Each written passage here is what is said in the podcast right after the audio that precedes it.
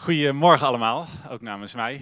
Fijn dat iedereen uh, de koffie of meegenomen heeft of achtergelaten heeft, opgedronken en hier zit.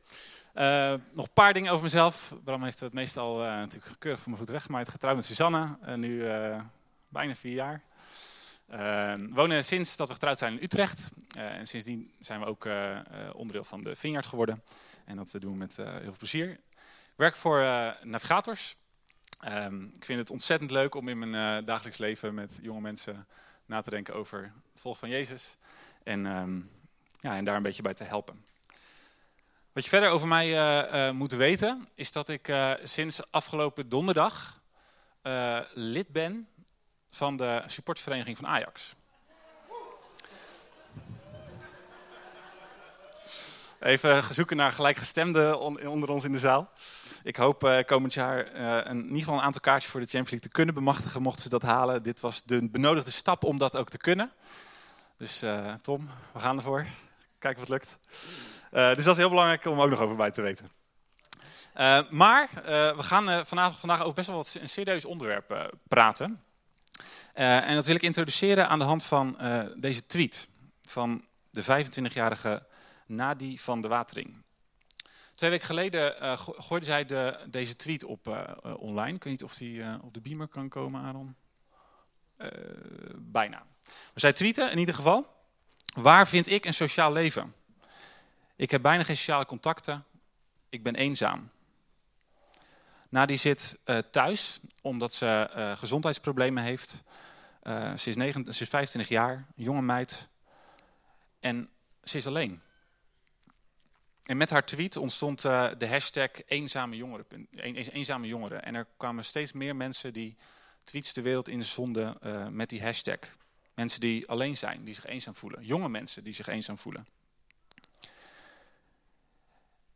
En de onderzoeken laten eigenlijk best wel een schrikbarend beeld zien als je naar Nederland kijkt. Maar liefst vier op de tien jonge mensen tussen de 16 en de 34 jaar oud voelt zich tenminste één keer in de week eenzaam. Maar het is niet alleen onder jongeren een groot probleem. Uit onderzoek, onderzoek bleek dat meer dan een miljoen mensen in Nederland zich eenzaam voelen. En de meest kwetsbare groepen uit dit onderzoek, ouderen boven de 85, weduwen en weduwnaars, gescheiden mensen, laagopgeleide en niet-westerse allochtonen. 1 miljoen mensen in Nederland voelen zich eenzaam. Hier in Utrecht, in onze stad, is het onderzoek gebleken dat 36.000 mensen in deze stad zich eenzaam voelen. Dat is 10% van de populatie. We zijn in Nederland nog nooit zo welvarend geweest. We staan op de vijfde plaats als het gaat over de gelukkigste landen van de wereld. We zijn meer dan ooit verbonden met de wereld via social media. We vliegen de wereld over. We lijken verbonden te zijn met elkaar. En toch, toch is er heel veel eenzaamheid. Een vraag waar ik uh, mee worstel, waar ik over nadenk, is wat is ons antwoord als kerk op die eenzaamheid? Hoe reageren wij op dat groeiende probleem in de samenleving van eenzaamheid? Wat is ons antwoord als kerk van Jezus? En ik weet niet of jullie heel vertrouwd zijn met dit probleem van eenzaamheid. Ik denk dat een van de oorzaken ervan, dat we daar wat vaker over praten. Of wat vaker misschien zelfs overeenstemming over hebben. Namelijk dat onze samenleving, dat Nederland, behoorlijk individualistisch is. Dat we zelfgericht zijn. En je zou zelfs kunnen zeggen dat misschien wel die eenzaamheid die er aanwezig is, het effect is van ons individualisme, van onze zelfgerichtheid. En toen ik erover nadacht, toen besefte ik me, ik ben onderdeel van die samenleving. Ik ben onderdeel van die samenleving die zelfgericht is, die individualistisch is. Daar ben ik onderdeel van. Daar ben ik in opgegroeid. Ik sta er middenin en ik doe er eigenlijk zelfs aan mee. Want alles om mij heen vertelt dat ik gelukkig moet worden. Dat ik, ik succesvol moet zijn in mijn werk, mijn huwelijk, mijn vriendschappen. Sociale media vertellen ons dat we er top uit moeten zien, de mooiste vakanties moeten beleven. En vooral zelf gelukkig moeten worden. We staan met elkaar bloot aan die constante, constante boodschap van zelfontplooiing. Dat jij alleen gelukkig wordt als jij jezelf op. En de gevolgen zijn groot. Burn-outs, onzekerheid onder jongeren, onder studenten kom ik het veel tegen. Over wie ze zijn, over waar het leven over gaat. En eenzaamheid. En de vraag die opkomt is, wat herken je van deze zelfgerichtheid, van dit individualisme bij jezelf? Als je naar binnen kijkt. Lukt het jou, lukt het mij om echt gericht te zijn op de ander? In contact, in vriendschappen? Of zijn het toch vaak je eigen behoeftes die voorop staan in het leven? En ik denk dat het probleem nog wat dieper zit dan de huidige tijdsgeest. Dus dat het niet alleen de cultuur is waar we in opgroeien, maar dat het probleem dieper zit. Als we teruggaan helemaal naar het begin eh, van de Bijbel, dan lezen we dat het misgaat. waar er perfecte harmonie was tussen, tussen God en mensen, komt er zonde, komt er gebrokenheid. En de oorspronkelijke bedoeling van God, helemaal aan het begin, gaat over samen. En wanneer we kijken naar uh, de scheppingsverhalen die er in de Bijbel staan, het scheppingsverhaal, dan zien we die, die, die, dat hele korte zinnetje in Genesis 1, vers, vers 26, dat het zegt, God zei, laten wij mensen maken die ons evenbeeld zijn, die op ons lijken. Dus we leren gelijk aan het begin van Genesis, leren we iets heel bijzonders over God. Namelijk dat er staat, God zei, laten wij mensen maken die ons evenbeeld zijn. Nou, en de kerk heeft daar uiteindelijk de, de, de, de theologie van de drie-eenheid van gemaakt. Dat we eh, God de Vader, God de Zoon en God de Geest zien in de Bijbel. En hier zien we dat God in zichzelf relatie is. Dat hij Vader, Zoon en Geest is. Dat ze samen nadenken over de schepping en samen nadenken over de mens. Dus in God zelf is relatie aanwezig. In God zelf is er samen. Misschien heb je die film uh, The Shack gezien of de, het boek De Uitnodiging gelezen. Waar op een hele mooie manier die samenwerking tussen de Vader, de Zoon en de Geest uitgebeeld wordt. Hoe de Vader de Zoon eert. Hoe de Zoon de Vader eert. Hoe de Geest Jezus eert. En in allemaal cirkeltjes en eh, op andere manieren. Ze eren elkaar. Ze aanbidden elkaar. Dan een stukje verderop in, in Genesis, Genesis 2 vers 18.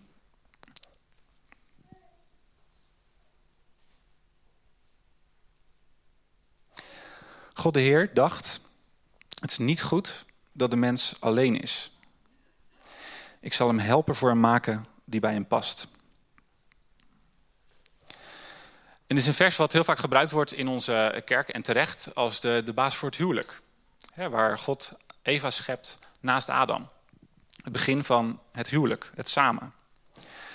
Maar ik denk dat dit vers breder geïnterpreteerd kan worden. Dat God zag dat Adam alleen niet goed was. Dat er een samen nodig is voor de mens. Hij maakte de mens niet als individu, maar uiteindelijk als een individu bedoeld om samen te leven. Met iemand anders. En dat ziet er anders uit voor mensen die single zijn of mensen die een relatie hebben. Maar ten diepste zijn we allemaal bedoeld om samen te leven. Om betekenisvolle contacten te hebben. Met mensen en met God. En dan gaat het mis. We kennen het verhaal. De zondeval komt in de wereld. En de essentie van de keuze van Eva, de keuze van Adam om te eten van de, de boom van, goed, van de kennis van goed en kwaad, is dat ze gelijk willen worden aan God. Dus Eva en ook Adam, ze zetten zichzelf centraal, hun eigen ego, hun eigen ik komt centraal te staan en het is het begin van zonde in deze wereld. En het effect ervan is schaamte. Want we zien hoe Adam zich terugtrekt. Hoe die alleen zich verbergt. Heel opvallend. Er staat niet dat hij zich samen met Eva verborg. Hij verbergt zich alleen.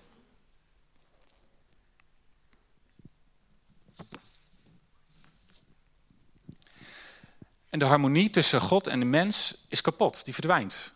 En zelfs de harmonie tussen Adam en Eva raakt verbroken, gaat kapot. Ze verbergen zich voor God.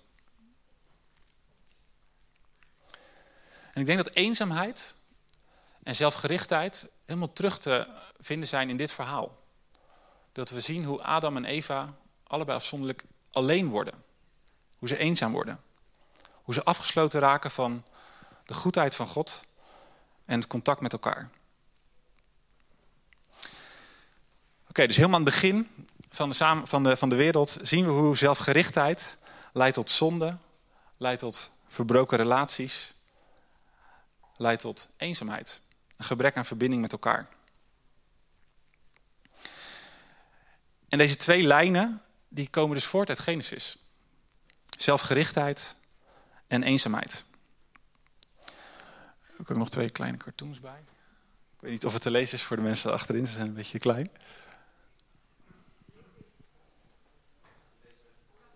Uh, link staat. Hagar, you've been talking about yourself for 20 minutes. Sorry, I was being self-centered. Tell me what you think of me. En de ander zegt, hey, how are you? Nou ja, spreekt voor zich. Twee lijnen. Zelfgerichtheid en eenzaamheid. En ik denk dat die zelfgerichtheid in ons zit, maar ook in onze kerken. Als je kijkt naar de ontwikkeling van de kerk uh, in de afgelopen 50 jaar, dan zien we in de jaren 60 en 70 dat er een vrij nieuwe gedachte voor die tijd ontstond. Dat het draait om jouw persoonlijke bekering tot Jezus. En misschien denk je, ja, logisch toch? Dat is toch ook heel belangrijk? Ja, dat is ook heel belangrijk. Als we naar Jezus kijken, dan ziet hij hoe hij, hoe hij jonge mannen en vrouwen persoonlijk vraagt, wil je mij volgen? Wil je mijn leerling zijn? En dat in elk van ieder van hen ook moet zeggen: Ja, Heer, dat wil ik. Ik wil u volgen. Petrus en Johannes en al die mensen die hem achter, achter hem aangaan. Maar zou het kunnen dat we in dat proces van het herontdekken van die persoonlijke bekering tot Jezus, dat we doorgeslagen zijn? Dat we veel te veel bezig zijn met de vraag of ik de Bijbel lees. Of wat ik doe voor vluchtelingen of vreemdelingen in onze stad. Of ik wel ervaar dat God van mij houdt. Hoe zien jouw gebeden eruit? Gaan ze veel over de ander of gaan ze ook wel heel vaak over jezelf? En als we dan naar Jezus kijken, dan zien we volgens mij dat hij een heel ander leven voorleeft. Dat hetgene wat hij ons voorhoudt, altijd gaat over de ander. Ik wil een, verhaaltje, een verhaal lezen uit Johannes 13. Het bekende verhaal waarin Jezus uh, midden in de maaltijd neerknielt bij een ieder van zijn leerlingen.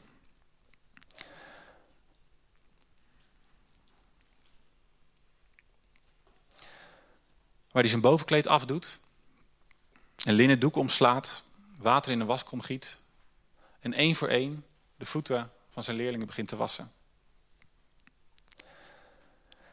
Een heel raar plaatje. De koning, Jezus, die een dienaar wordt de Heer der Heren, die we elke zondag aanbidden, die iemand zijn stinkende schimmelvoeten begint te wassen. Met alle troep die er tussen zat, waarschijnlijk. De wereld op zijn kop. En dan zegt Jezus in Johannes 13: Als ik, jullie Heer en jullie Meester, je voeten gewassen heb, moet je ook elkaars voeten wassen. Ik heb een voorbeeld gegeven. Wat ik voor jullie heb gedaan, moeten jullie ook doen. Jezus zegt tegen zijn leerling, zegt tegen ons, datgene wat ik heb gedaan, dat ik mezelf op de laagste plaats heb gezet. Dat ik mezelf een dienaar heb gemaakt. Volledig gericht op de noden van de ander, de behoeften van de ander. Dat is ook de weg voor jullie. En dan even verderop. Dan zegt Jezus, ik geef jullie een nieuw gebod, vers 34. Heb elkaar lief, zoals ik jullie heb lief gehad. Zo moeten jullie elkaar lief hebben. Aan jullie liefde voor elkaar zal iedereen zien dat jullie mijn leerlingen zijn. Dus de weg die Jezus, Jezus wijst, die gaat over elkaar dienen. Over de ander belangrijker achter dan jezelf. Het gaat over, ten diepste zelfs over je leven geven. Voor de ander. En ik weet niet hoe dat met jullie zit, maar ik vind dat super lastig. Want diep in mij zit een hele heel sterk verlangen en een sterke neiging om gericht te zijn op wat ik nodig heb. Want ik ben bang dat op het moment dat ik daar niet aan denk, dat er niemand om mij denkt? Wat als ik er niks voor terugkrijg, voor al dat dienen en al dat geven? Kom ik dan niet zelf tekort?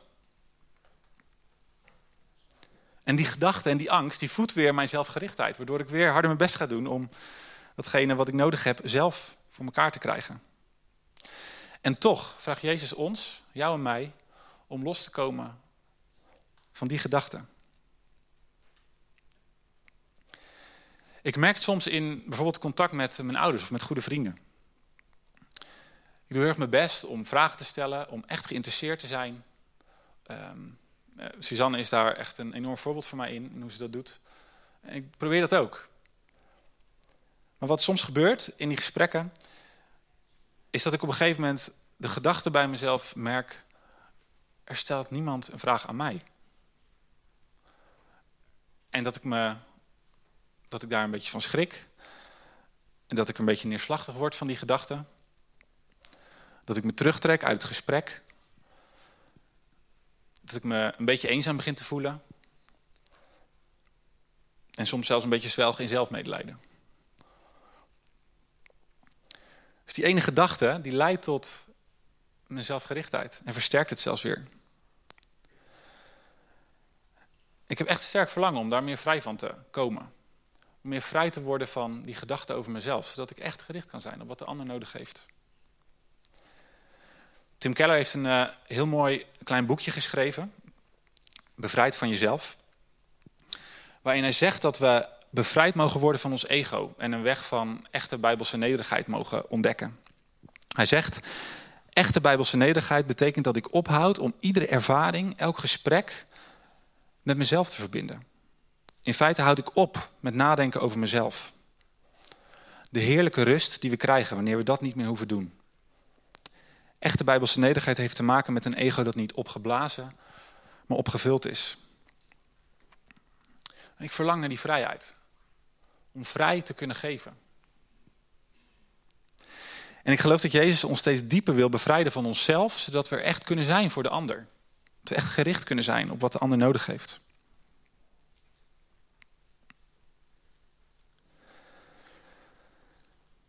En ik denk dat we, wanneer we hier meer vrij van worden, veel beter in staat zullen zijn om samen te leven.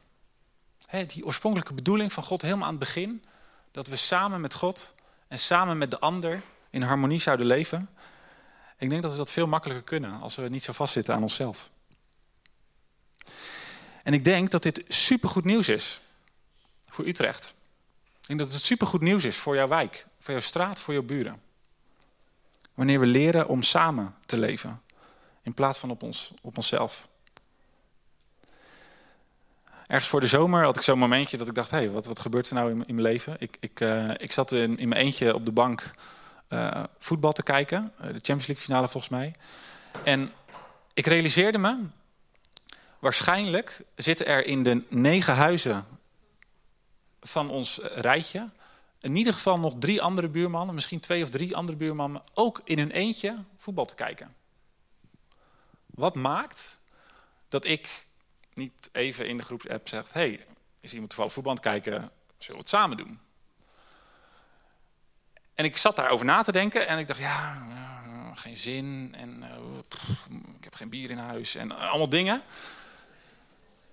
Maar eigenlijk waren het allemaal hele slechte redenen ik was niet moe, ik, ik had gewoon geen zin. Terwijl ik weet dat wanneer ik op die manier mijn leven met anderen samen leer leven, dat God er doorheen gaat werken. Dat we in de rust even over iets anders praten dan het voetbal. Dat er iets van vertrouwen ontstaat en iets van verbinding. Ik kies er niet voor. Terwijl wanneer we naar de Bijbel kijken, wanneer we met name ook het Nieuw Testament kijken, zien we zo'n sterke kracht van samen. in, de eerste, in de eerste kerk, in de eerste gemeente, dat ze alles gemeenschappelijk hadden. Ze samenleefden. Dat de samenleving uh, hoog sprak over de kerk.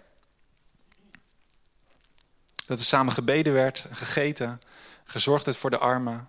Dat er hechte gemeenschappen waren. En dat is supergoed nieuws. Voor mijn zelfgerichte ik. Want als ik onderdeel word van zo'n gemeenschap, dan ga ik leren om niet meer gericht te zijn op wat ik nodig heb, maar op de ander. En dit is supergoed nieuws voor al die mensen, die 36.000 mensen hier in Utrecht, die alleen zijn. Want het betekent dat onze gemeenschappen een ontzettend goede plek zijn voor hen.